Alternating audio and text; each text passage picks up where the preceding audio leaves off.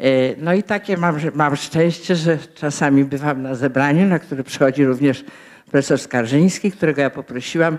Powiedziałam, panie profesorze, może pan nas z kimś zapozna, kto mógłby taką rolę odegrać, bo ja się krępuję w zapytaniu pana. A pan profesor powiedział, dlaczego? To przecież też należy do obowiązków mojego życia. No i w ten sposób mamy wszyscy wielką przyjemność, no i wielkie szczęście, że będziemy się mogli dzisiaj spotkać z profesorem Henrykiem Skarżyńskim.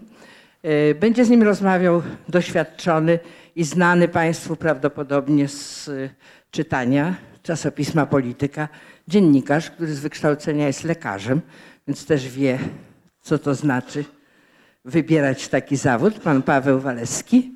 I myślę, że czeka nas niezwykły wieczór. Dziękuję.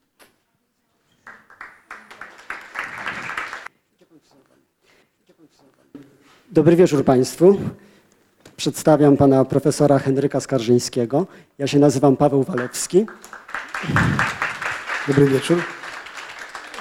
Pani profesor dokonała już tutaj krótkiego przedstawienia, natomiast ja w imieniu pana profesora i w imieniu swoim chciałem przede wszystkim bardzo podziękować, że zechcieliście Państwo dzisiaj na to nasze spotkanie tutaj przyjść. Mieliśmy poważną konkurencję, której w marcu nie będzie miał pan profesor Turski, a mianowicie dzisiejszy występ polskich skoczków i mistrzów. Ale jeżeli ktoś z Państwa zastanawiał się, czy właśnie wybrać oglądanie mistrzów w telewizji, czy przyjść na to spotkanie, to muszę powiedzieć, że wybór był dlatego dobry, że tutaj też spotkacie się z mistrzem. Ponieważ no, medycyna, żadna specjalność medyczna nie jest jeszcze konkurencją y, olimpijską i pewno nigdy nie będzie. Ale wspiera. Ale wspiera, tak jest. Natomiast nigdy pewno nie będzie, ale, ale gdyby tak było, to świętujący w tym roku swoje 18-lecie instytut, który pan profesor założył, Instytut Patologii i Fizjologii Słuchu w Kajetanach, yy, którego jest wciąż dyrektorem, szefem, myślę, że można powiedzieć, że byłby pan czterokrotnym, biorąc pod uwagę, że olimpiada odbywa się cztery, yy, co cztery lata, myślę, że byłby pan ze względu, pod względem liczby przeprowadzanych zabiegów, innowacji i, i, i wielu sukcesów, które mają miejsce właśnie w Kajetanach, byłby pan czterokrotnym złotym medalistą. Także jeszcze raz dziękujemy bardzo za przyjście na to spotkanie i zaczniemy go na prośbę pana profesora od pokazania właśnie, jak wygląda historia Instytutu Patologii i Fizjologii Słuchu w Kajetanach i skąd te sukcesy się biorą. Bo to jest właściwie, panie profesorze, proszę siadać, dyscyplina nie jednego zawodnika, nie jednego mistrza, ale troszeczkę dyscyplina y, zespołowa, prawda? Prowadzenie takiego instytutu. E, Tak, jest to, e, witam bardzo serdecznie, bardzo dziękuję pani profesor, pani dyrektor za, za zaproszenie, to przyjemność spędzić tutaj, chociaż nie ukrywam, ja jestem kibicem strasznym i jak ktoś powie, że nasi po pierwszych skokach są wysoko, to będę tutaj e, trudny do e, zatrzymania, żeby nie wyrazić swoich emocji, no ale to już tak jest. Dyscyplina y, zespołowa, tak? E, Tak, Nie udałoby się jednoosobowo założyć I pokazujemy na tym filmie pewien przedział czasowy, 22 lata. To jest taki okres czasu, to właściwie jest prawie jedno pokolenie. Można wtedy powiedzieć, że nie coś się udało, tylko że jednak coś zrobiliśmy.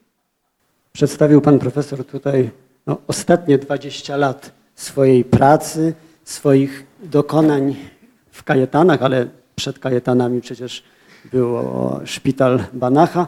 Ja natomiast chciałbym wrócić do samych początków i tak po dziennikarsku zapytać pana profesora, kiedy właściwie podjął pan decyzję zostania, zostania lekarzem? Dlaczego nie, nie wiem, strażakiem, dlaczego nie politykiem, który by teraz może przyjeżdżał do Kajetan, jeśli by powstały pod jakąś inną No więc, władzą, jeśli by powstały? Panie Pawle, jak pan powiedział, bym przyjeżdżał do, do Kajetana, ja wolę w nich pracować. Y, Moją pierwszą miłością była historia, y, zwłaszcza historia I Rzeczpospolitej. I tam często czytając różne doniesienia, można było spotkać się, upuścili krwi, przestawili pijawki.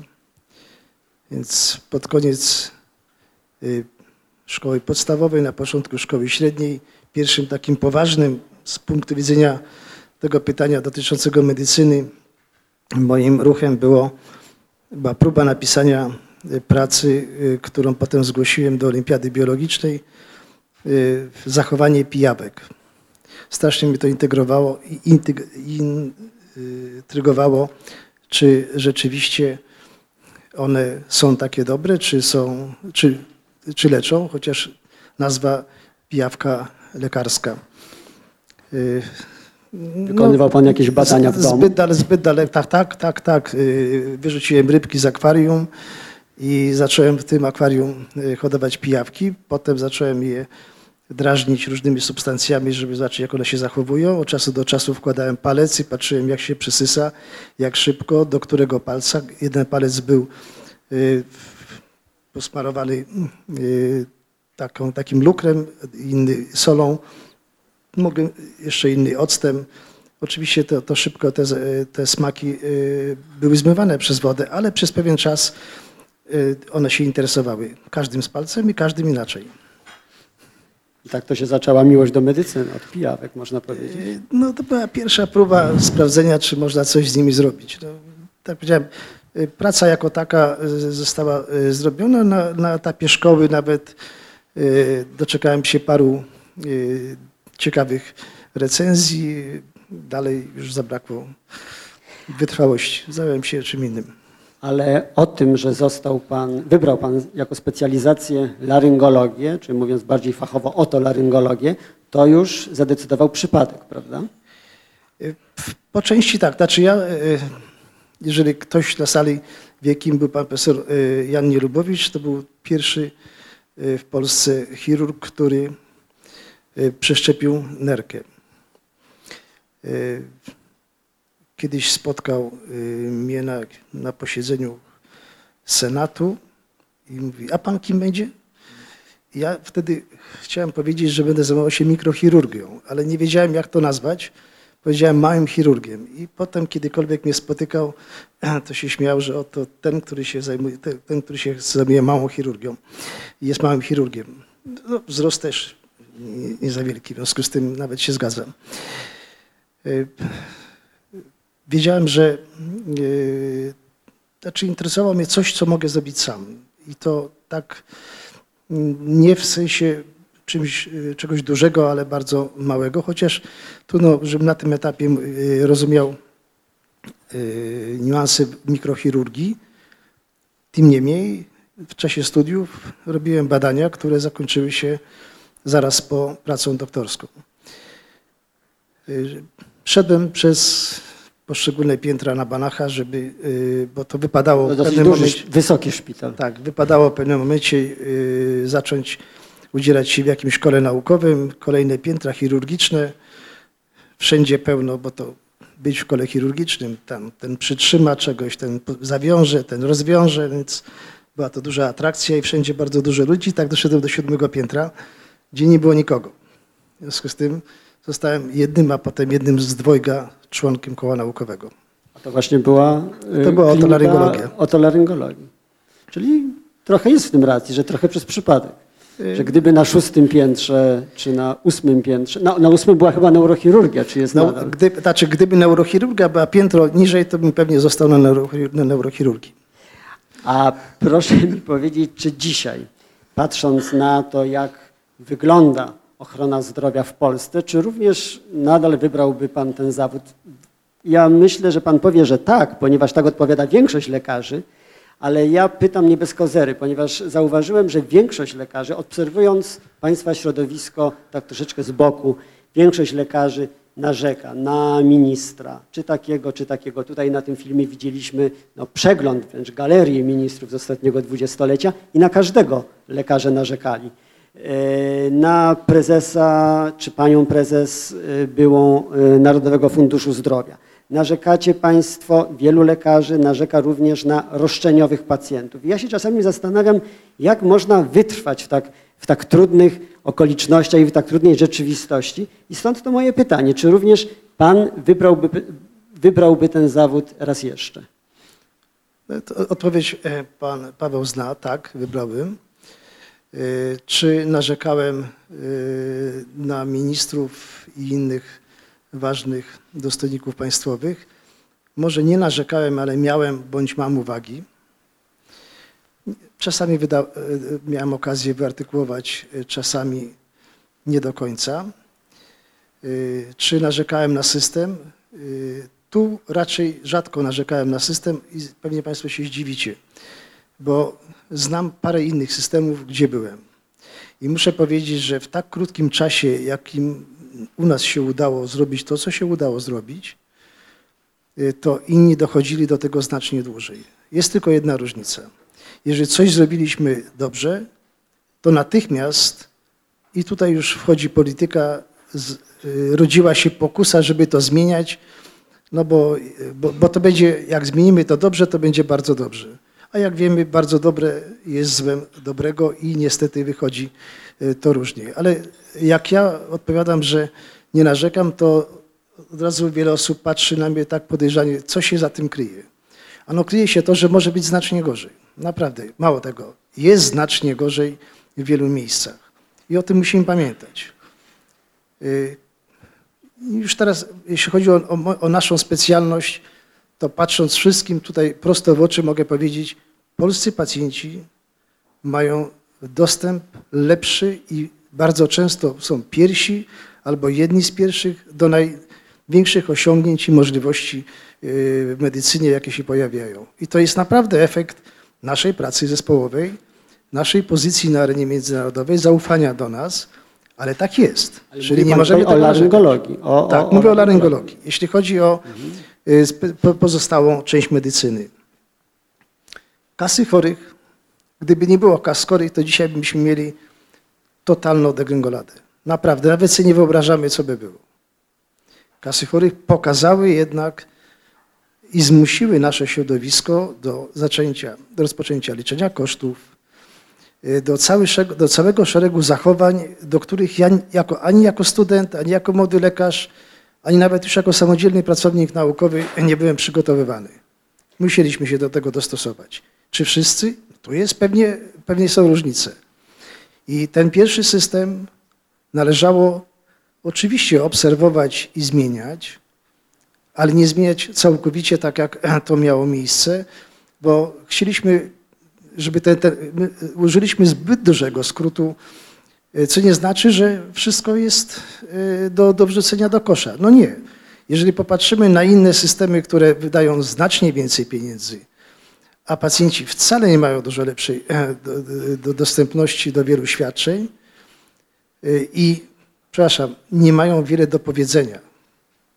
Jeżeli Państwo nie wierzycie moim słowom, to zapytajcie chociażby tych młodych ludzi, którzy są w tej chwili w Irlandii, w Anglii, w wielu innych miejscach, którzy bardzo często przylatują do nas na konsultacje, bo łatwiej jest im przylecieć.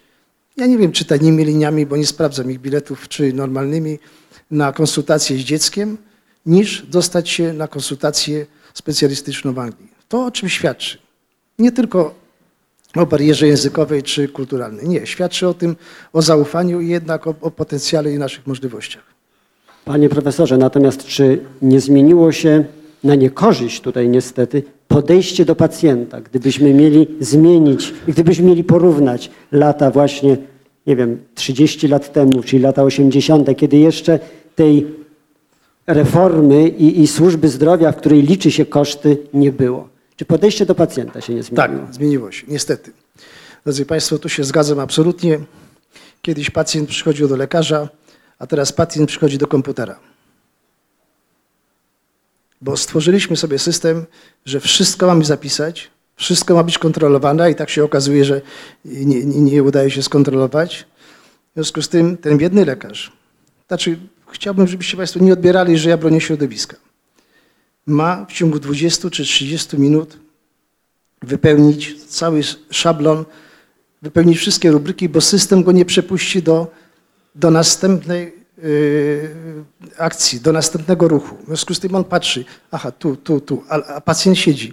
Zadaje mi pytanie, proszę pana, y, ile pan ma lat? Tak, y, od kiedy? Tak. Drodzy Państwo, A czy tego czyli- nie można zorganizować inaczej? Czyli lekarz, czyli pacjent patrzy w komputer, jeżeli widzi lekarz patrzy w komputer i tak naprawdę to siedzą we dwóch jak narze- narzeczeni i SMS-ują do siebie pod, pod stolikiem. Prawie tak to wygląda. Czy, czy można inaczej? Można inaczej. Ja mogę powiedzieć, jak staramy się to u nas y, zrobić w instytucie, większość y, lekarzy ma kogoś dodatkowego, kto pisze. Czyli pacjent przychodzi, ja z nim rozmawiam, a osoba, która siedzi, zapisuje i wypełnia to wszystko, co ja bym co ja mógł robić. Ja mam kontakt. Ja obserwuję jego reakcję, jego zachowanie, jego nastawienie, jego przyzwolenie na, doda- na następne pytanie, czy nie. Jeżeli tego nie będziemy mieli, to obie strony nie będą miały satysfakcji. Niestety dzisiaj szukamy kolejnej ustawy, e, wprowadzamy kolejne rozporządzenie, żeby jeszcze bardziej uszczelnić coś. Tylko pytanie, co my chcemy uszczelnić? Informatycy wymyślą następny rewelacyjny program, tylko potem się okaże, że on jest drogi, nie chodzi i nie można y, z niego wyciągnąć tego, co naprawdę na czym nam zależy. Tylko to są koszty. Musimy wiedzieć, że jeżeli przyjmuję z kimś, to znaczy, że przyjmuję dwie osoby, są dla tego jednego pacjenta. Nie wszyscy mogą sobie na to pozwolić w różnych miejscach, nie wszystkich na to stać. W związku z tym to niestety ewaluuje w złą stronę. Jeżeli będziemy jako lekarze zmuszeni tylko do tej części strony formalnej, i tutaj powiem, że jeżeli nie mam kogoś i muszę przyjąć, to wtedy nie korzystam z programu komputerowego, piszę odręcznie, ale rozmawiam z pacjentem. Piszę i, i rozmawiam, bo chcę wiedzieć, chcę widzieć, chcę czuć jego problem, który on potrafi wyrazić, a czasami nie potrafi wyrazić, a ja muszę poczuć, czy on się mnie boi, bo nie przyszedł dla przyjemności. On przyszedł z określonym problemem i muszę sobie zdawać sprawę z tego, że ja muszę do niego trafić, żeby on chciał się otworzyć, żeby on chciał powiedzieć. Czyli muszę być i w dobrej dyspozycji, i kondycji, i mieć właściwe nastawienie. Jak pan trafia właśnie do tych pacjentów, aby. No oni przychodzą ze swoim problemem, jest to w tym wypadku w, i, i, w pańskiej specjalności problem najczęściej związany z, ze słuchem. Natomiast jak trafić do dziecka, który często ma ten problem i przychodzi do pana po pomoc? Znaczy, jak to faktycznie wygląda, najlepiej by powiedzieli ci, którzy y, u mnie byli, a nie ja, bo być może się mylę. Ale to, co ja mogę powiedzieć, to po pierwsze, staram się mówić wolniej, bo zakładam, że ktoś może mnie nie dosłyszeć. Staram się patrzeć i mówić, żeby mógł odczytywać z ust. To są dwie podstawowe czynności, które pozwolą, żeby pacjent mógł usłyszeć, o co ja go pytam, zrozumieć, wtedy on nabiera pewnej odwagi i zaczyna, zaczyna mówić. Jeżeli nawet głęboko nie dosłyszymy, a potrafimy patrzeć na usta, to możemy odczytywać. Jeśli chodzi o dzieci, dzieci u nas mają lizaki. Prosta rzecz. Oczywiście od czasu do czasu mama albo tata skrzywi się yy, na mnie i powie, moje dziecko lizaka nie je. No, Przepraszam, w porządku. Tu chodzi o to, żeby to dziecko kojarzyło swoją wizytę z lizakiem, nawet jeżeli go wyrzuci za chwilę po wyjściu z gabinetu. Ale jak się okazuje, to potem dziecko przychodzi, kończy się konsultacja i tak się patrzy, patrzy. Gdzie lizak? Gdzie, gdzie jest lizak? Czyli coś zostało z tego dobrego skojarzenia. Przekupuje pan te dzieci? Nie, nie, nie, nie, nie. Chodzi o to, żeby y, to dziecko poczuło się dobrze. Czasami są dzieci trudne i w tym momencie trzeba zamknąć wszystkie swoje emocje, no bo dziecko kopie. No. Nie wiem, jak- jakbyście Państwo się zachowywali, gdyby dziecko Państwa kopnęło raz, drugi, trzeci, mama nie jest w stanie opanować, tata stoi bezradny y, z boku, no i oczekiwałbym, że weźmie to dziecko, pomoże mamie, bo mama jeszcze jest w ciąży do tego i trzyma tego drugiego. No, tak bywa w rodzinach. No to co mam powiedzieć, że go nie zbadam?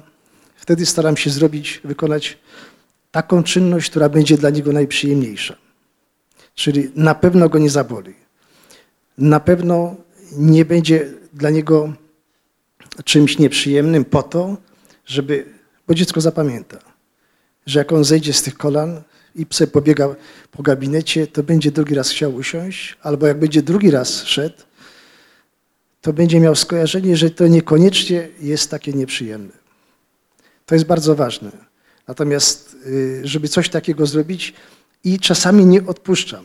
Mówię rodzicom nie, zbadamy. I rodzice mówią, nie, to może, może innym razem. Nie, nie. Ponieważ już wiem, że tam nic się złego nie dzieje.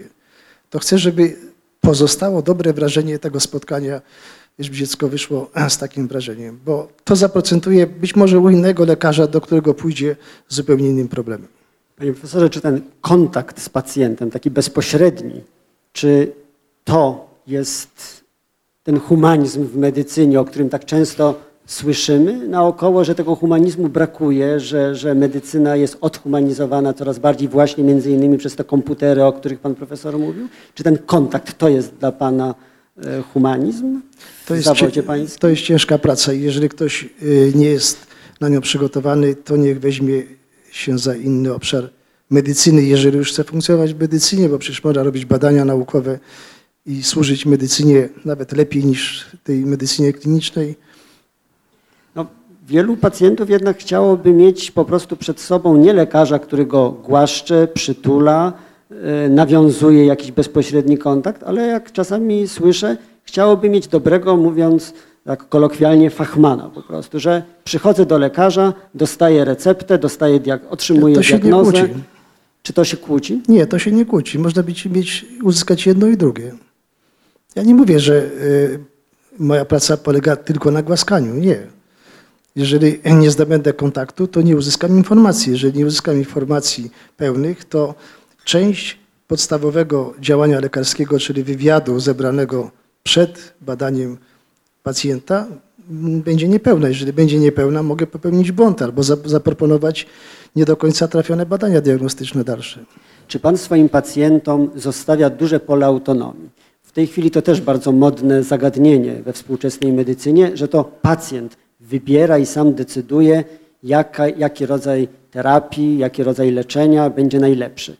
Czy Pan narzuca to, co Pan uważa, że dla danego pacjenta będzie najlepsze, czy też mówi, może, możemy zrobić taki zabieg i taki zabieg i proszę to wybrać samemu? Oj, pytanie bardzo obszerne. Znaczy, znaczy nie, pytanie dotyczy bardzo dużego obszaru mojej działalności. Odpowiedzialności lekarza przede wszystkim. E, Tak, jest różnie. Jest, y, staram się mieć pewność, że pacjent zrozumiał to, co od niego powiedziałem. I często wracam w inny sposób do tego samego i okazuje się, że pacjent nie odpowiada mi, a powinien odpowiedzieć. Bywa tak, że robię to nawet trzy razy. W trakcie wplatam tak, żeby mieć pewność. I okazuje się, że w dalszym ciągu nie. I wtedy mówię, pani, pan nie zrozumiał tego, a ja to już mówię po raz trzeci, tylko inaczej. Mówię, że obecny stan mojej wiedzy, za którą ja odpowiadam, jest taki i pozwala na to i na to. Czy daje y, dużą możliwość y, wyboru? Nie.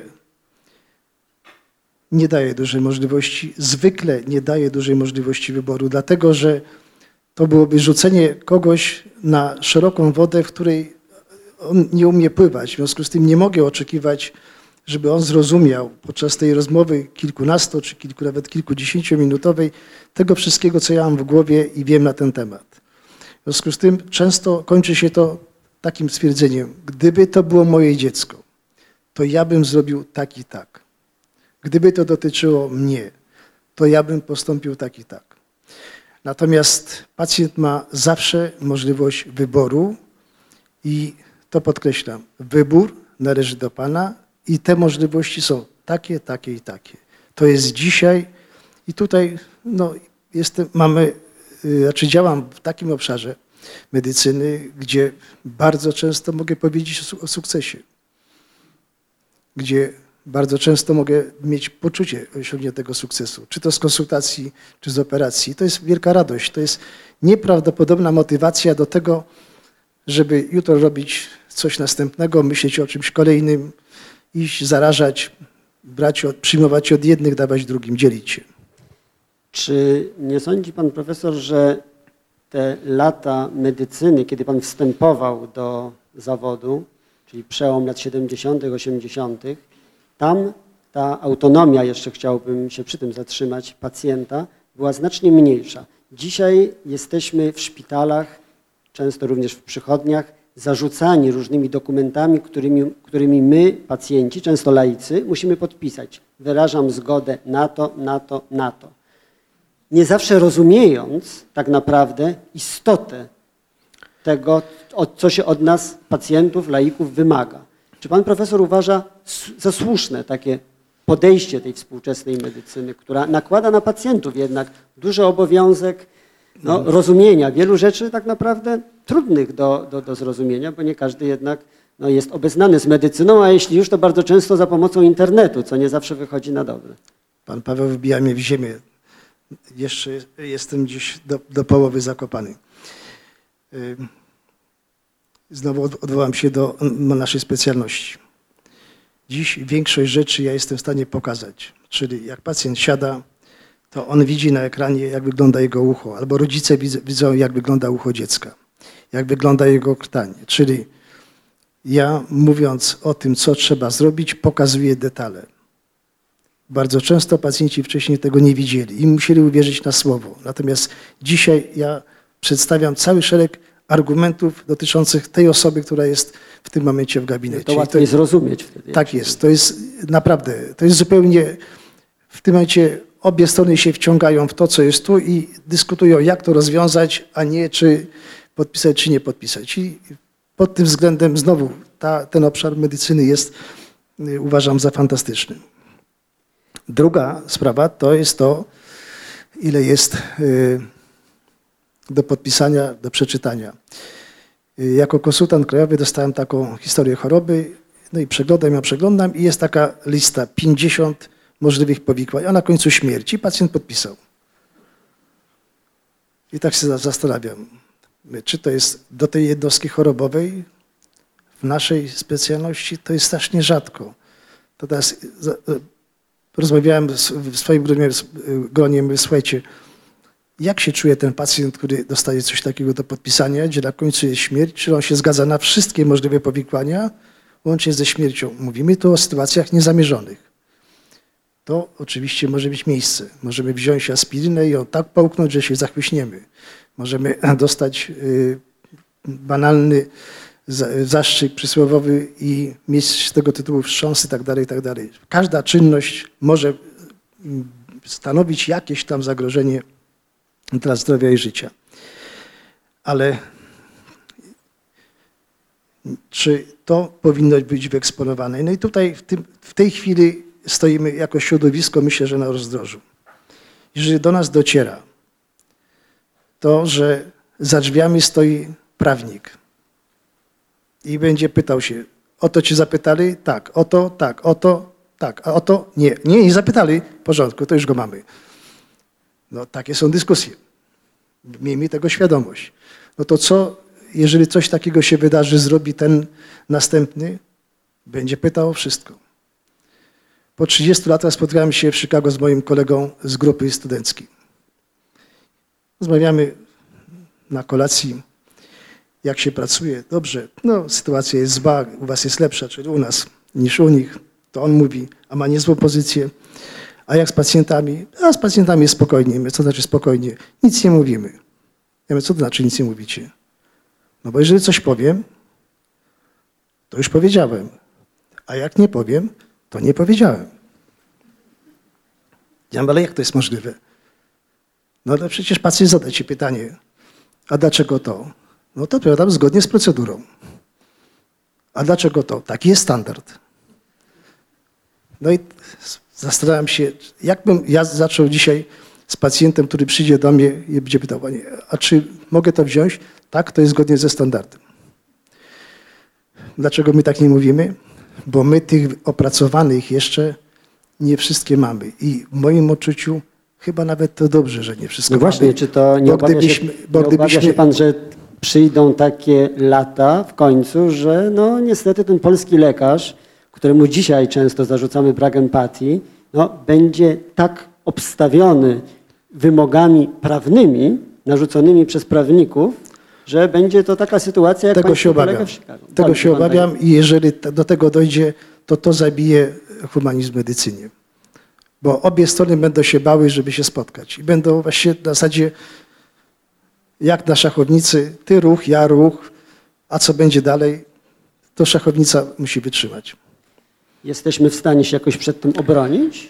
Musimy pokazywać pozytywne przykłady. Przepraszam, że o tym mówię, ale jak popatrzycie Państwo na media, ja rozumiem, że gazet jest więcej, takich, siakich, innych, które muszą coś napisać i pokazać, to jakie są proporcje y, tych dobrych informacji do tych takich sensacyjnych, a jednak nie dokręcił, a jednak nie podali do końca. Czy to buduje? Czy dzisiaj, jeżeli pokażemy, że w jakimś ośrodku jakiś lekarz coś zrobił. No dobrze, zrobił. Ja nie, nie mówię, że jesteśmy, jesteśmy tacy jak, jak całe społeczeństwo. Jedni są lepsi, drudzy są gorsi. Tylko czy ktoś sobie zadaje pytanie, jak się będą jutro czuli ci, którzy idą do dziesiątek innych lekarzy, innych specjalności, do innych oddziałów czy do innych klinik w tym szpitalu, kiedy zostali uderzeni po twarzy, za przeproszeniem, że tam coś się takiego wydarzyło. Czy będą czuły, się czuli bezpiecznie?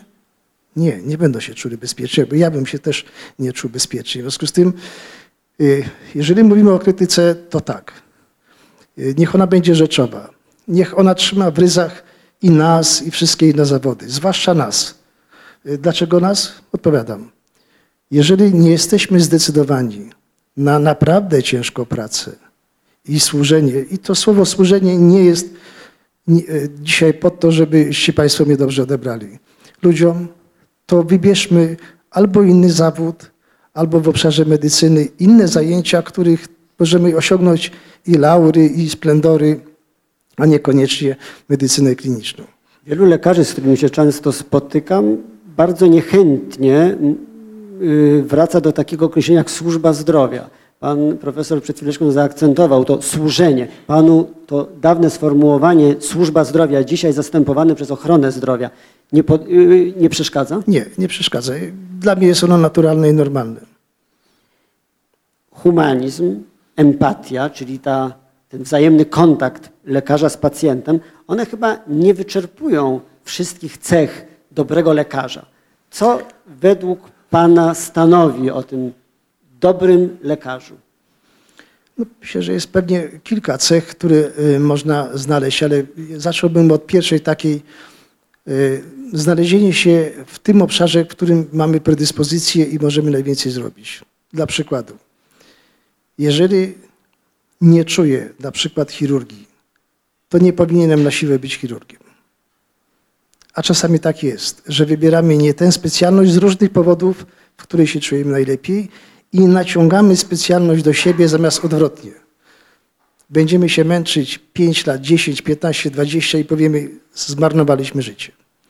Znam wiele takich osób, które mówi patrząc, a ty osiągnąłeś sukcesy, fajnie było, no to widzisz, a ja to tak się, tak się przewałęsałem za przeproszeniem przez to życie. Nie, nie, to chodzi o, o wybór tego, czym się ktoś będzie czuł najlepiej. Drugie to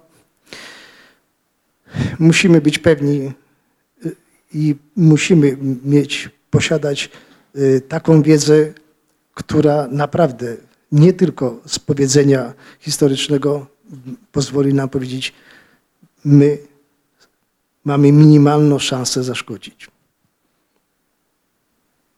Primum non nocere. Bo tak jak słyszymy, tak jak czytamy, tak jak znamy życie, coś się może wydarzyć niezależnie od nas. Bo pacjent się odwrócił i coś innego zrobił, coś inaczej zareagował, coś nieprzewidywalnego. Absolutnie. Mówimy tu o nieprzewidywalnych rzeczach, a nie o rzeczach przewidywalnych. W związku z tym, jeżeli my mamy poczucie, że my w tym obszarze posiedliśmy taką wiedzę i takie umiejętności, że pozwalamy to zrobić, ale my znamy swoje ograniczenia. I teraz te ograniczenia, i muszę powiedzieć Państwu, że tego brakuje mi najbardziej. Jeżeli od czasu do czasu robimy ankie- ankietę w Instytucie y, Satysfakcji Pacjenta, jeżeli 75, 70 ileś tam procent osób jest poleconych przez innych pacjentów, to znaczy, że mamy poczucie do satysfakcji, że zrobiliśmy tej, tym pacjentom dobrze, skoro polecili. Ale to nie świadczy dobrze o naszym środowisku, że mimo iż dzisiaj robimy rzeczy unikalne w skali międzynarodowej, wiele y, zabiegów na, światowych jako pierwsi, bądź jako nieliczni w świecie, że nie jest to polecane i wyjaśniane przez innych lekarzy. Bo nie, Dziś- wie, bo nie wiedzą, czy taka ludzka zawiść No, polska? Powiedziałbym tak, właśnie, taka, taka Polska. Nie chcę powiedzieć zawiść, tylko taka Polska. Szkoda, bo to nie dotyczy tego, czy- będzie asfalt taki, e, tak, taki, e, e, tak równy, czy coś innego. To dotyczy zdrowia, życia ludzi, czyli jakości tego życia, dotyczy wielu niuansów, które się odbijają potem e, w różnych obszarach. I tego myślę, że nie powinniśmy robić i, i tego mi brakuje. Tego brakuje mi w naszym środowisku. Ale myślę sobie, że może gdyby tak wszyscy lekarze kierowali do Państwa pacjentów, do kajetan, no to byście już nie dali rady. Może byłoby lepiej, gdyby te inne ośrodki się troszeczkę podciągnęły. Panie Pawle, to nie chodzi o to, żeby kierowali. Nie. To chodzi o to, żeby pacjent mógł usłyszeć, że jest taka możliwość, to po pierwsze. Po drugie, żeby ja nie od pacjenta dowiadywał się o jego tragicznej bądź trudnej sytuacji związanej z jego chorobą, tylko od kolegi lekarza. Bo jeżeli byś, to jest coś, co ja zobaczyłem w 1989 roku we Francji.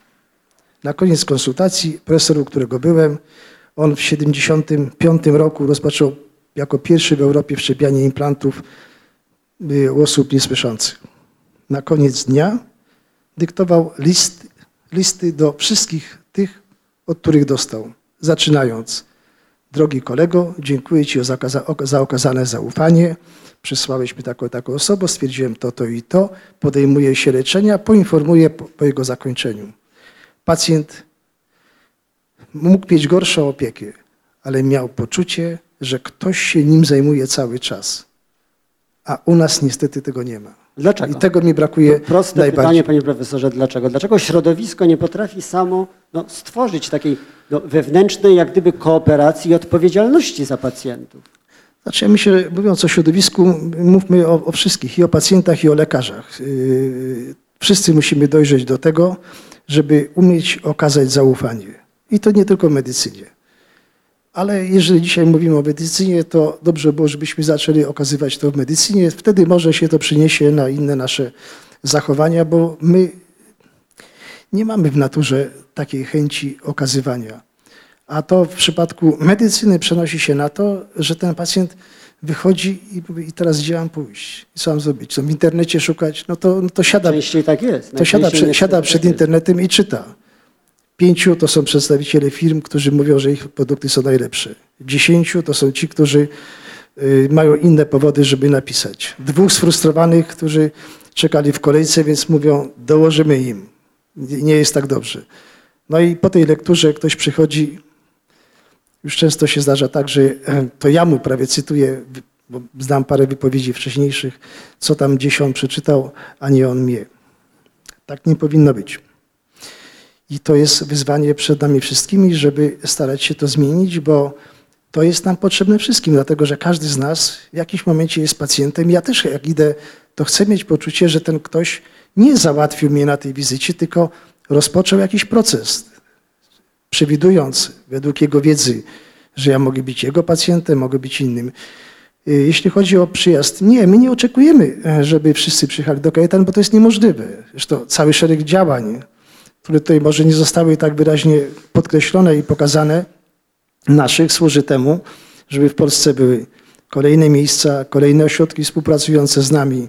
Jest ich 20 w ramach takiej sieci. To jest pierwsza w świecie krajowa sieć telemedycyny, gdzie pacjenci cały szereg czynności mogą zro, z, z, e, uzyskać, e, znaczy Na miejscu, wykonać tam, gdzie mieszkają, czy tam, gdzie mieszkają, blisko miejsca zamieszkania. Kolejny projekt, który przygotowuję, dotyczy te, tej telemedycyny, która ma naprawdę ludzką twarz i to nie jest tak, że z, bo niektórzy mówią, a bo to z komputerem się rozmawia. Nie, z komputerem to się rozmawia dzisiaj na konsultacji. A jak mamy połączenie telemedyczne, to się wprawdzie widzimy na ekranie, ale rozmawiamy do siebie, y, czy to jest inżynier, czy psycholog, czy, logopeda, w odniesieniu do dzieci, zwłaszcza małych dzieci, które muszą się znaleźć w środowisku, to ten dom ja nazywam domową kliniką rehabilitacji, bo to jest najprzyjemniejsze miejsce, w jakim one się znajdują i najłatwiej do nich dotrzeć i najwięcej można uzyskać y, podczas terapii. Użył Pan słowa rehabilitacja. Jest Pan reprezentantem dziedziny chirurgicznej, chociaż wielu osobom wciąż się wydaje, że chirurg to jest tylko ten, kto e, otwiera brzuch i, i, i- i operuje, operuje żołądek. Jest Pan tym małym chirurgiem, jak powiedział Pan profesor e, Nielubowicz, ale chirurgiem. Natomiast chirurgia tak naprawdę, jej obecne możliwości, jakie mogą być w pańskiej specjalności, no, nie poradziłaby sobie bez innych dziedzin i bez rehabilitacji, bez anestezjologii na pewno też nie. Bez czego jeszcze? Porozmawiajmy o tych sukcesach medycyny szeroko rozumianej, które dały państwu możliwość no, dokonania tylu pionierskich operacji. Dobrze, zanim odpowiem y, na to ostatnie pytanie, powiem y, tak, jesteśmy przykładem takiej mieszanki y, nietypowej jak na Polską Służbę Zdrowia, nawet nietypowej jako w skali międzynarodowej, gdzie wielu specjalistów jest zaangażowanych, gdzie u nas inżynier jest terapeutą, inżynier kliniczny, ja to często podkreślam. To jest bez tego inżyniera klinicznego wielu rzeczy byśmy nie byli w stanie zrobić. Dzisiaj Nie lekarz, tylko inżynier. tak, dzisiaj wiele osób ma zupełnie inną funkcję, spe, y, y, y, wypełnia w tym łańcuchu terapeutycznym na rzecz pacjenta. I to jest coś niezwykle ważnego i to decyduje o rozwoju. Nawet nasze zachowania jako przedstawicieli różnych środowisk mają ogromnie pozytywny wpływ na, na rozwój. My byśmy wielu sukcesów nie osiągnęli, gdy, gdyby nie było takiej wzajemnej stymulacji. Gdybyśmy siedzieli w swoim środowisku lekarskim, na pewno by nie było tak, jak jest, kiedy jest mieszanka tych różnych specjalistów. I to jest coś, co jest ważne do podkreślenia i to się wiąże z całą prewencją, diagnostyką, leczeniem i późniejszą rehabilitacją. Dlatego kajetany są tak unikalne. Proszę Państwa, nie ma w świecie drugiego takiego ośrodka, jaki jest w Polsce, że pod tym jednym dachem udzielanych jest najwięcej w ramach jednej specjalności konsultacji na świecie i od kilkunastu lat wykonuje się najwięcej w świecie operacji poprawiających słuch. To łatwo powiedzieć, a to naprawdę bardzo y, ciężko jest zrobić. Y, Do tego stopnia to, y, dokończę tylko tę myśl, to nas doprowadziło, że tych, którzy przyjeżdżali oglądać operację i nie wiedzieli, jak my ją mamy zorganizowaną, zrobiliśmy jedną ścianę w sali operacyjnej ze szkła, żeby mogli siedzieć za tą ścianą i widzieć, co my robimy. Bo uważali, że puszczamy filmy, a nie, nie są to operacje na żywo. I nie są w stanie wytrzymać tylu godzin, przy, obserwując te operacje. Ile operacji dziennie, panie Nie, profesorze? nie, ale wrócę do tamtego pytania, bo tamte było bardzo ważne. Y, Gdzie były największe sukcesy, które zadecydowały o tym? To warto powiedzieć. Pierwsze to oczywiście rozwój um- umiejętności manualnych jest ważny. Ale gdybyśmy nie mieli w otolaryngologii dwóch dodatkowych elementów. Mikroskopu operacyjnego, czyli może, mo, możliwości obejrzenia czegoś pod dużym powiększeniem, w wielu innych specjalnościach też mikroskopu albo endoskopu. Jakie to jest powiększenie, powiedzmy? No różne, ona może być i kilka, i kilkanaście, i kilkadziesiąt razy. I osłony antybiotykowej. Czyli tu nie chodzi o usunięcie czegoś na powierzchni skóry. Chodzi o usunięcie zmian bądź operacje w najczulszych obszarach, gdzie są elementy zmysłowe, gdzie jest zakończenie nerwu, komórki zmysłowe w uchu wewnętrznym. Gdyby nie było tej osłony, to po każdej naszej operacji nie byłoby poprawy słuchu, tylko byłaby głuchota. I tak było. Tu ta osłona antybiotykowa połączona z możliwością widzenia i umiejętnościami manualnymi dała ogromne możliwości, że mogliśmy dotrzeć do wielu obszarów, które były niedostępne.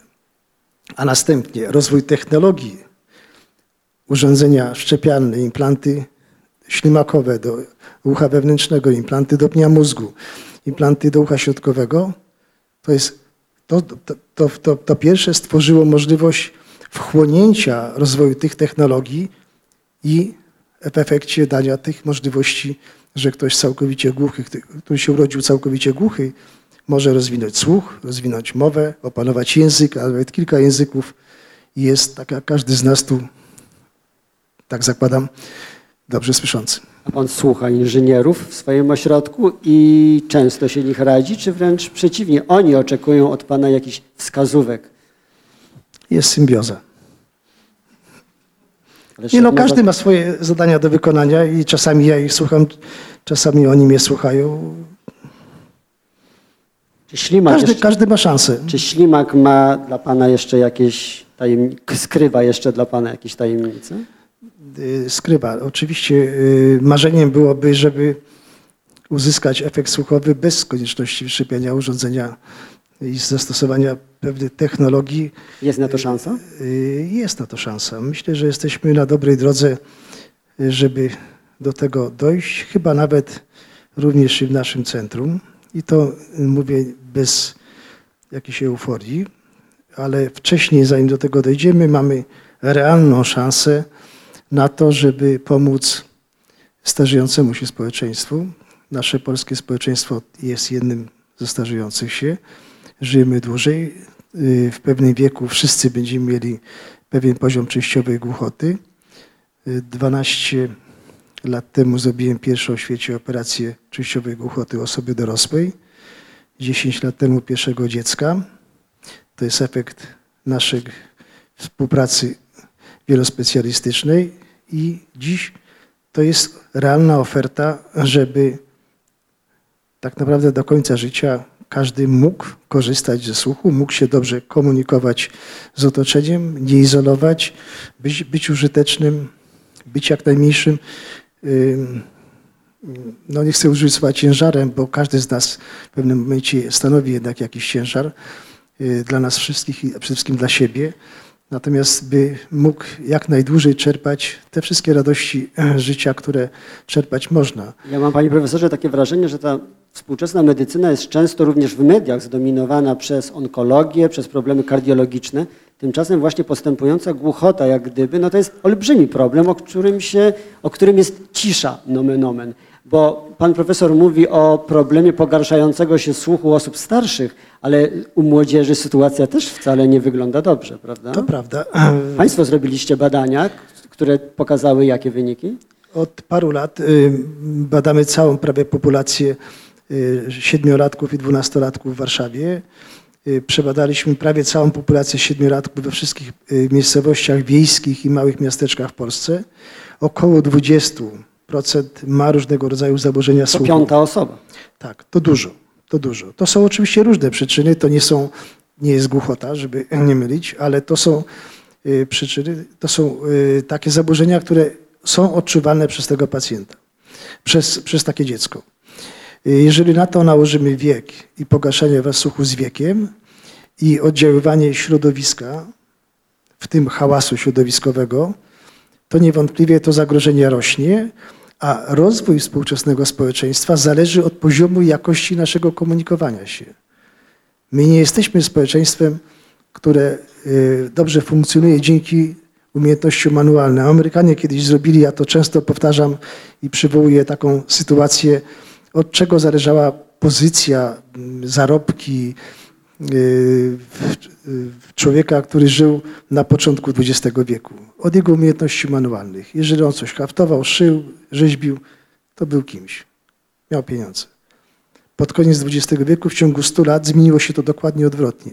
W 90 paru procentach pozycja człowieka zależy od tego, jak on potrafi się skomunikować, jak potrafi szybko przyjąć informacje, zrobić selekcję, odsiać, wykorzystać to, co jest potrzebne do bieżącego działania, do, do zapamiętania i tak dalej. I dlatego te problemy słuchu są tak ważne, bo dzisiaj one decydują o jakości funkcjonowania społeczeństwa. My nie mówimy w obrębie mojej specjalności o, zagrożeniu głuchotą, czy o zagrożeniu e, śmiercią, bo to się zdarza rzadko, ale my mówimy o jakości życia, ale mówimy o, o problemie masowym, a nie jednostkowym. I ten problem w wymiarze takim masowym ma ogromne znaczenie, bo albo my wielu ludziom pomożemy dobrze funkcjonować przez długie, długie lata, albo będziemy musieli tworzyć coś specjalnego, a te specjalne nie zawsze wychodzi, czy to dla specjalne Ja- szkoły, czy inne specjalne Ja miejsca. bym nie chciał y, tutaj tworzyć z naszego spotkania, przekształcać naszego spotkania w przychodnie. Zaraz zapytam i poproszę Państwa o pytania i być może on, tutaj będą one dotyczyły właśnie y, spraw związanych ze słuchem, ale muszę zadać to jedno, bo tak jak na pogarszający się słuch z wiekiem, no właściwie wpływu jakiejś profilaktyki specjalnie nie mamy. No, wszyscy się cieszymy, że y, linia życia się wydłuża i żyjemy coraz, coraz dłużej, ale jeszcze wracając do tych młodych ludzi, czy y, nagminne obecnie słuchanie muzyki w słuchawkach, rozmowy w słuchawkach, tych wkładanych do uszu, czy to pogarsza słuch? Jedna trzecia y, dzieci w wieku dw- 12 lat odczuwa przemijające szumy uszne. To pokazuje, że ten hałas środowiskowy, głównie środowiskowy, w tym słuchanie muzyki, tak się odbija na stanie słuchu. Inne nasze badania pokazują, że hałas na, na przerwie międzylekcyjnej może sięgać 90-90, nawet 5 decybeli. Przy, po 15 minutach dochodzimy przez 40 parę minut do poziomu wyjściowego, czyli następna lekcja jest do tyłu, jeśli chodzi o poziom percepcji. To nie znaczy, że jesteśmy głusi. Nie. Te szumy uszne to są pierwsze poważne sygnały, że ze słuchem tych dzieci jest już gorzej. To oznacza, że ten narząd słuchu u nich będzie starzał się szybciej niż w naszym pokoleniu, nazwijmy to w naszym pokoleniu. Panie Pawle, jesteśmy młodzi, prawda? Jak najbardziej. Państwo również należą do tej grupy. Bardzo proszę, pytania. Panie profesorze, ja mam takie pytanie, czy w ostatnich pięciu latach pojawiły się jakieś metody poprawy słuchu dla osób, które e, do tej pory były skazane na korekcję słuchu aparatem słuchowym tylko? Tak, e, pojawiło się wiele osób. Znaczy powiem tak, e, jeśli chodzi o aparaty słuchowe, to mm, my zachowujemy się troszkę inaczej niż wiele innych społeczeństw. I to zupełnie niezrozumiałe. Okulary zakładamy chętnie, czy jedni do twarzy, bo im lepiej, inni, y, bo pomagają lepiej widzieć. Z, z aparatami jest różnie. I aparaty często pytamy, a to będzie taki, czy to będzie taki, a nie, czy będę dobrze słyszał, czy inaczej, tylko jaki on będzie, bo to od tego zależy, y, jak będę słyszał. Nie, może być różny. I najpierw trzeba dobrać, a potem zobaczyć, jak go dopasować, y, jak, jak go no, ukryć albo y, no, wkomponować w całość. No, często młodej dziewczynie mówię, widzisz, masz tutaj cztery kolczyki. No to, to ten będzie piąty, ale z perełką, tylko że w środku. Też będzie dobrze wyglądało. To jest pierwsza uwaga, czyli y, raczej nie brońmy się przed aparatami, jeżeli rzeczywiście mogą one skorygować. Druga moja uwaga dotyczy osób starszych, które przychodzą, ja mówię, y, nie namawiam do aparatu, broń Boże, bo to nie o to chodzi, y, ale że słuch się pogarsza, natomiast każdy z nas ma różne potrzeby. No, są osoby, które pracują z ludźmi i one, nawet jak im się niewiele pogorszy, to one już chcą poprawy i są inne osoby z takim samym poziomem słuchu, które traktują jako obrazę powiedzenie przeze mnie, że, że one wymagają jakiejś, jakiejś korekty. Y, Tutaj my się cały czas uczymy, przez całe życie się uczymy. Uczymy się, jak obsługiwać kolejny program, który nam wgrają do komórki i tak dalej. I musimy się też uczyć korzystania z aparatów. Jeżeli ktoś dochodzi do wniosku, że coś z jego słuchem się dzieje nie tak i słyszy, że, że aparat może mu skorygować, to nie powinien czekać. On nie musi nosić cały dzień. On może go zakładać w różnych sytuacjach, ale on powinien zacząć się uczyć korzystania. Jego umysł musi się uczyć korzystania. To jest pewna nauka. To nie przyjdzie samo i to powoduje, że dzisiaj ktoś w wieku 70 lat dostaje aparat słuchowy i mówi: Kupiłem najdroższy. To nic nie znaczy. Kupiłem najlepszy. To nic nie znaczy. Najlepszy jest ten, który dał korzyść danemu pacjentowi, a nie jego cena. I wracam do, przepraszam po tej długiej dygresji, do pytania. E, Cały czas bierzemy udział w różnego rodzaju programach i staramy się to, co jest na świecie, y, wykonywać i pokazywać. w moim odczuciu no, robimy to jako zespół chyba nie najgorzej, y, przedstawiając kolejne możliwości. Dzisiaj tych możliwości jest wiele. Są różne urządzenia, które mogą zastąpić aparaty słuchowe, mogą doprowadzić dźwięk w formie bardziej przyjaznej, dostosowanej do zmian wrodzonych, do zmian nabytych, do, do różnych uszkodzeń pozapalnych, pourazowych. Polegają na wszczepieniu czegoś pod skórę, y, tak żeby to było i z jednej strony niewidoczne, i z drugiej strony y, dawało jak najlepsze efekty. Wszystkie te urządzenia, które są dzisiaj w świecie efektywnie wykorzystywane, są dostępne w kajetanach.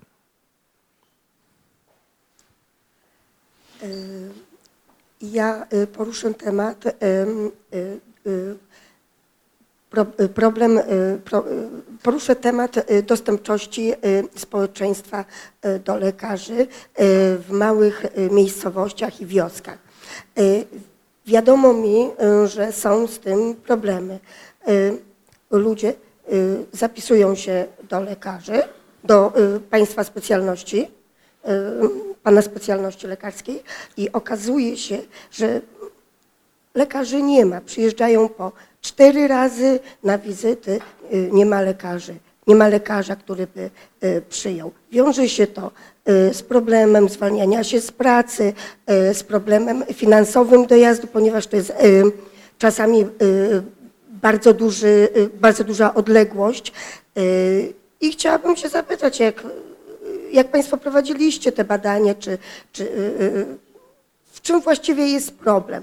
Czy bywa często w ośrodkach, że y, jest jeden lekarz i ten lekarz jest albo oddelegowany, albo jest chory, albo jest na sympozjum i to są takie właśnie problemy y, z dostępnością y, społeczeństwa do służby zdrowia.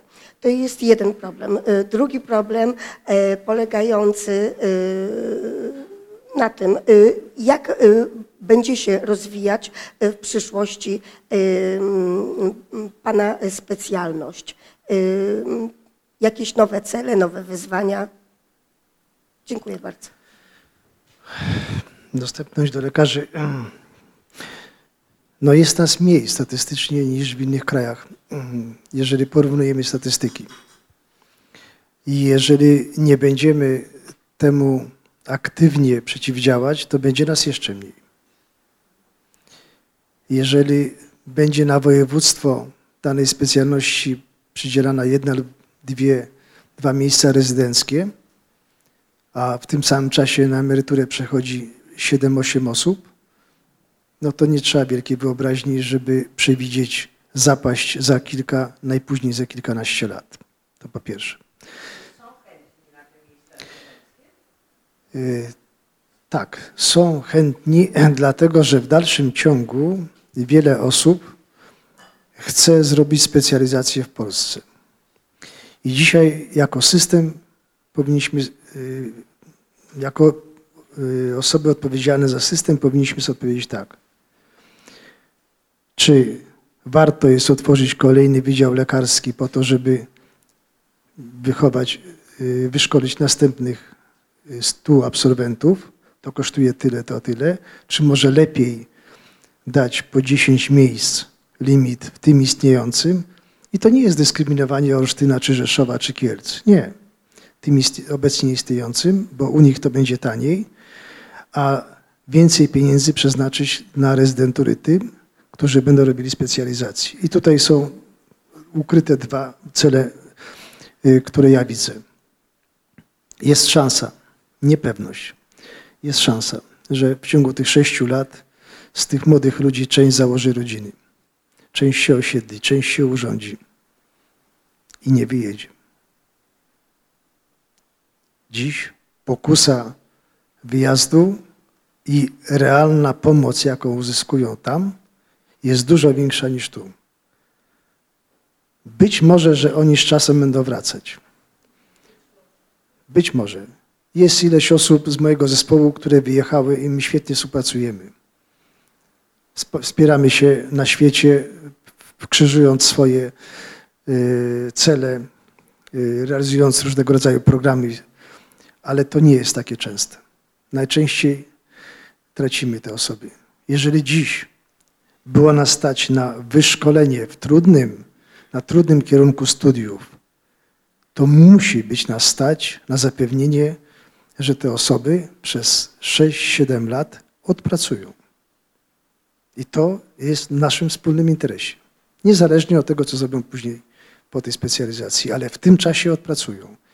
Jeżeli nie będzie zdecydowanych ruchów, tylko takie, że wojewoda ogłosi, nie mam do, nic do żadnego wojewody, jakieś kolejne listy na miejsca, no to ci pozostali mają podrzucone, to uciekajcie stąd, wyjeżdżajcie, no nie chcemy was. No nie, nie da się zmusić kogoś, żeby poszli wszyscy na medycynę sądową, bo ona jest deficytowa.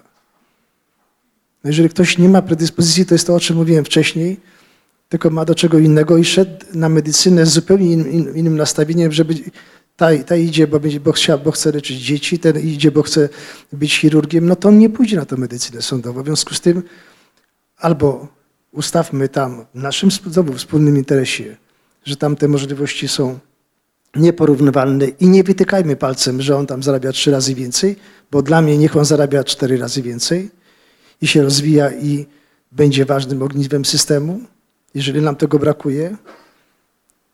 Natomiast tego dzisiaj nie ma i boję się, że te kolejki nie będą krótsze, tylko będą dłuższe, chociaż oficjalne informacje są, że w marcu już ich nie będzie, jak Państwo wiecie. Dokąd To nie jest akcent polityczny. Ja po prostu też chcę zobaczyć, jak to jest. Zapowiadam, że niestety w Kajetanach nam się udać tego nie zrobi. My dzisiaj jesteśmy gotowi przyjąć nie w ramach rezydentur, czyli za państwowe pieniądze, tylko za własne wypracowane przez Instytut 15 osób i nie mamy takiego limitu specjalizacji. Czasami wielu osobom, które odwiedzają kajetany, wydaje się, że trafiają do prywatnego ośrodka, co jest nieprawdą, ponieważ Instytut jest absolutnie y, placówką publiczną, pracującą w ramach kontraktu z NFZ-em. Panie profesorze, drugie pytanie było o cele i przyszłość y, pańskiej specjalności, laryngologii. No właśnie, pan już powie- powiedział troszeczkę, prawda, że tutaj kwestie no, usprawnienia tego słuchu za pomocą nie tyle urządzeń, co w sposób jakiś bardziej naturalny. Znaczy Kajetany się kojarzą Instytut ze słuchem, nazwa jest Instytut Fizjologii i Patologii Słuchu, ale tak naprawdę dzisiaj to jest y, otochirurgia, audiologia i otochirurgia, czyli to, co się wiąże z diagnozowaniem, leczeniem i rehabilitacją słuchu. Rynochirurgia, to, co się wiąże z diagnozowaniem, leczeniem y, zaburzeń oddychania, y, zapaleniami nosa, y, zatok obocznych nosa i fonochirurgia, czyli zaburzenia głosu. Nie zajmujemy się dużo onkologią, bo uważamy, że dzisiaj zajmowanie się problemami onkologicznymi powinny ośrodki wyspecjalizowane. Medycyna poszła tak do przodu, że tworzenie kadłubowego kawałka onkologii na przykład w Kajetanach miałoby się zupełnie z celem. Yy, To nigdy by nie, nie zapewniło yy, ym, skojarzonego leczenia napromienianiem, chemioterapią i chirurgią. Y, Więc y, to jest w takim zakresie, jaki dotyczy niektórych y, trudnych sytuacji u, trudnych, u, konkretnych osób, natomiast y, w większym wymiarze tego nie ma. Jakie widzę, jaką widzę przyszłość? No przyszłość widzę optymistyczną. Ale czy na przykład komórki macierzyste to kiedyś będzie pan profesor wszczepiał do ucha, żeby przywracały słuch, czy nie? Y, Bo do mózgu to się chyba nie da, chociaż też czasem. Bardzo dziękuję za to pytanie. O właśnie. Tak. Ja nie wiem, czy ja będę wszczepiał, może będą wszczepiali moi następcy. Natomiast to, co powiem, jest niezwykle ważne. Dziś, wszczepiając implanty, doprowadziliśmy do, w życie, wprowadziliśmy w życie takie procedury chirurgiczne i to jest zasługa, którą nieśmiało przypisuję swojej odwadze i swoim, swojemu wyczuciu i umiejętnościom. Muszę to powiedzieć, bo wszystko to, co dobre, idzie na nas wszystkich, a co złe, niech idzie na mnie. Że małemu dziecku, w momencie, kiedy nie mamy innych możliwości, które się urodzi głuche, wszczepiamy taki rodzaj implantu i w taki sposób, żeby ono, tak jak jego rówieśnicy, mogło rozwijać swój słuch, mowę i język. A jednocześnie, żeby zachować w takim stopniu strukturę nienaruszoną tego ucha, że jeżeli znajdą się te komórki macierzyste, to będzie można to wyjąć, a je tam wpuścić. I to jest coś niezwykle ważnego, co udało nam się zrobić i pokazać światu, naprawdę światu. Nie wszyscy od razu byli tym zachwyceni, bo nie wszyscy wiedzieli, czy ta Polska to jest z tej strony Rosji, czy z tamtej strony Rosji, czy przed Niemcami, czy za Niemcami. Ale dzisiaj mogę powiedzieć, że parę tysięcy osób przyjechało i widziało to, co robimy na żywo. Parę kolejnych widziało to, kiedy operowałem w różnych miejscach na świecie, a to nie jest proste. Bo siąść przed Państwem można jeszcze opowiadać, ale zrobić pod presją, kiedy ogląda kilkaset osób, już jest trudniejsze. Dwa razy w roku mamy pokazowe operacje dla świata i to jest taki prawdziwy festiwal nauki, żeby tutaj przywołać powiedzenie pani profesor. Operuje Sydney, łącza się zrywają w Buenos Aires, w Waszyngtonie mają kłopoty, bo zaczyna coś krwawić, a my jesteśmy przygotowani, żeby w tym czasie przeznaczonym dla nas zrobić to, co mamy, a czasami, a zwykle udaje nam się pokazać więcej, bo na kolejnych salach jest i pokazujemy, patrzą wszyscy sobie na ręce, kilkanaście albo nawet ponad dwadzieścia parę tysięcy to ogląda. I to jest weryfikacja tak byłby naprawdę ten, to tego, byłby ten złoty mówimy. medal na olimpiadzie właśnie. Czy do szumu usznego trzeba się tylko przyzwyczaić? Czy jest jakaś szansa, żeby pomóc sobie? Szum uszny musimy poznać yy, głębiej. Szum uszny w wielu przypadkach może być pierwszym symptomem choroby różnej, wielu chorób i trzeba wtedy leczyć dane schorzenie. I szum uszny może być samoistny, gdzie współczesna nasza wiedza nie pozwala nam powiedzieć, dlaczego na pewno. Jest z tego lub z innego powodu.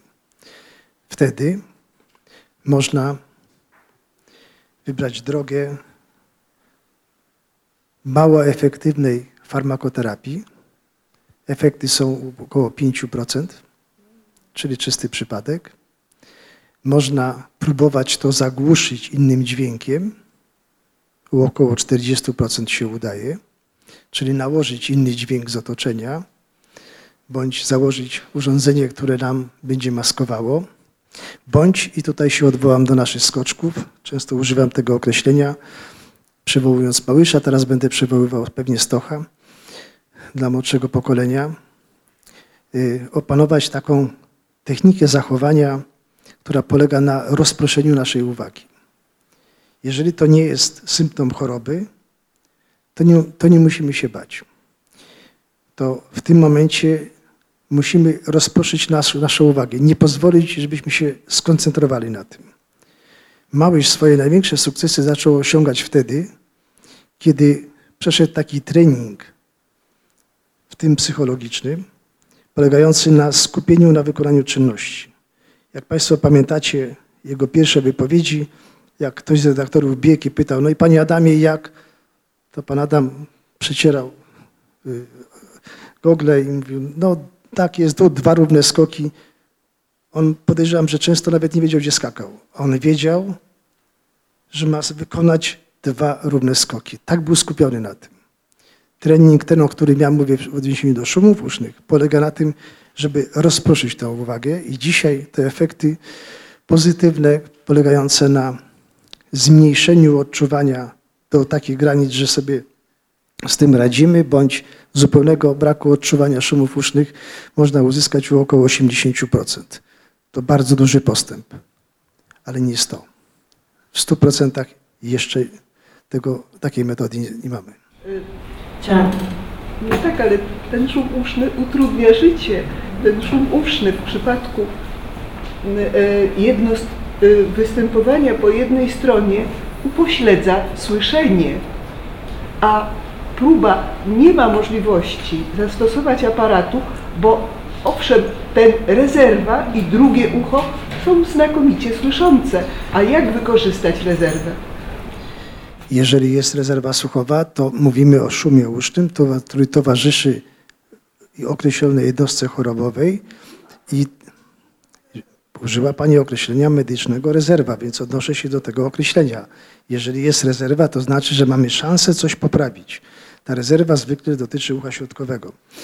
Jeżeli ucho jest całkowicie głuche, to jedną z najnowszych możliwości podaję tutaj kolejną, yy, kolejny sposób terapii szumów usznych. Może być właśnie wszczepienie implantu ślimakowego, który dostarcza, czy stwarza możliwości słyszenia przez ucho całkowicie niesłyszące i w tym momencie obecne wyniki podane yy, na początku yy, stycznia w Nowym Jorku w odniesieniu do tej populacji na takiej konferencji mówiły o około 70% dobrych wyników. To bardzo dużo jak na początek, bo ta metoda z wykorzystaniem implantów od niedawna jest stosowana w jednostronnej głuchocie i szumach usznych. Ja się chciałam zapytać, czy pan myśli, że y, na ile się zmienia sposób kształcenia studentów na lekarza w tej chwili i czy to się w ogóle zmienia, czy od wielu lat jest tak samo, a jeżeli się zmienia, to według pana opinii w dobrym kierunku, czy raczej właśnie to ku, ku takiemu, no prosto powiem, złym? Mm, Od kilkunastu lat y, nie mam bezpośrednich zajęć y, ze studentami medycyny. Mam y, kontakt z członkami koła naukowego. Do czasu, kiedy byłem w Akademii, ówczesnej Akademii Medycznej, miałem zajęcia dla szóstego roku. Mam do czynienia z młodymi lekarzami, czyli właściwie z tymi, którzy przed chwilą byli studentami. Nie są oni lepiej przygotowani w moim odczuciu do y, współpracy z pacjentem. Myślę, że odbija się na nich y, nie do końca dobrze rozumiany postęp medycyny, czyli y, moje zajęcia kliniczne zaczynały się od tego, że najpierw rozebraliśmy się w grupie i opukiwaliśmy siebie. Czasami to wyglądało śmiesznie, ale musieliśmy się nauczyć opukiwać. Jak teraz pytam, czy studenci siebie, na sobie to sprawdzają, okazuje się, że nie. Czyli co, od razu na pacjentach? Trudno, bo ten pacjent nie jest zdrowy, tylko jest chory. W związku z tym grupy są albo bardzo liczne, albo y, porozbijane, więc myślę, że dziś y, y, i lekarze, widząc potrzebę i możliwości wykonania wielu badań, bardzo szybko przechodzą że jeżeli nie będzie tego, tego i tego i tego, to nie będzie decyzji. Nie, decyzja wstępna może być na każdym etapie. Może być tylko po rozmowie pacjenta, może być po jednym badaniu, po drugim i po trzecim. To wymaga oczywiście czasu, ale to jest jeden z niebezpiecznych trendów tego komputerowego spojrzenia i oceny nas przez pryzmat procedur, a nie pacjentów. Ale myślę, że nie możemy zakończyć tego spotkania troszeczkę takim minorowym nastroju. I stąd takie pytanie matematyczne. Pan profesor zbiera te swoje ulubione ślimaki, z którymi jest pan związany od samego początku swojego życia zawodowego. Ile pan już ma w swojej kolekcji? Znaczy y, w rekordzie y, 1300 ile było, ale to y, komisja międzynarodowa, y, która przyznaje y, rekord Guinnessa, y, sprawdzała i to musiały być różne, nie mogły być takie same, a y, kilkadziesiąt czasami jest takich samych, dokładnie takich samych. Ale y, drodzy Państwo, y, co to znaczy ślimaki? Y, To pamiętam, że ile najpierw? Ponad 4000. 4 tysiące. Y, to jest identyfikowanie się z tym, czym się zajmuję. Naprawdę, to we, we mnie bardzo głęboko siedzi. I to nie jest tylko kwestia zbierania, ale to jest cały czas przypominanie sobie, co tak naprawdę w tej chwili mnie pochłania, co ja chcę rozwiązać, co ja chcę zrobić. I cały czas ten kolejny ślimak narysowany, namalowany, ulepiony, wy, Krawacie. tak, no wszystkie krawaty. Dzisiaj jestem bez krawatu, bo tak się domyśliłem, że, że może będzie lepiej bez. Ale tych krawatów Ale, ale wszystkie mam ponad 80 ze ślimakami i od 20 lat nie chodzę w innych krawatach jak ze ślimakiem. Panie, y, y, drodzy Państwo, bardzo dziękuję y, za to spotkanie. Dziękuję Panie Profesorze, że zechciał Pan spędzić tutaj czas w kawiarni naukowej. Myślę, że wychodzicie, wychodzą Państwo właśnie z przeświadczeniem, że spotkaliście się z mistrzem nie olimpijskim, ale o znacznie większych zasługach.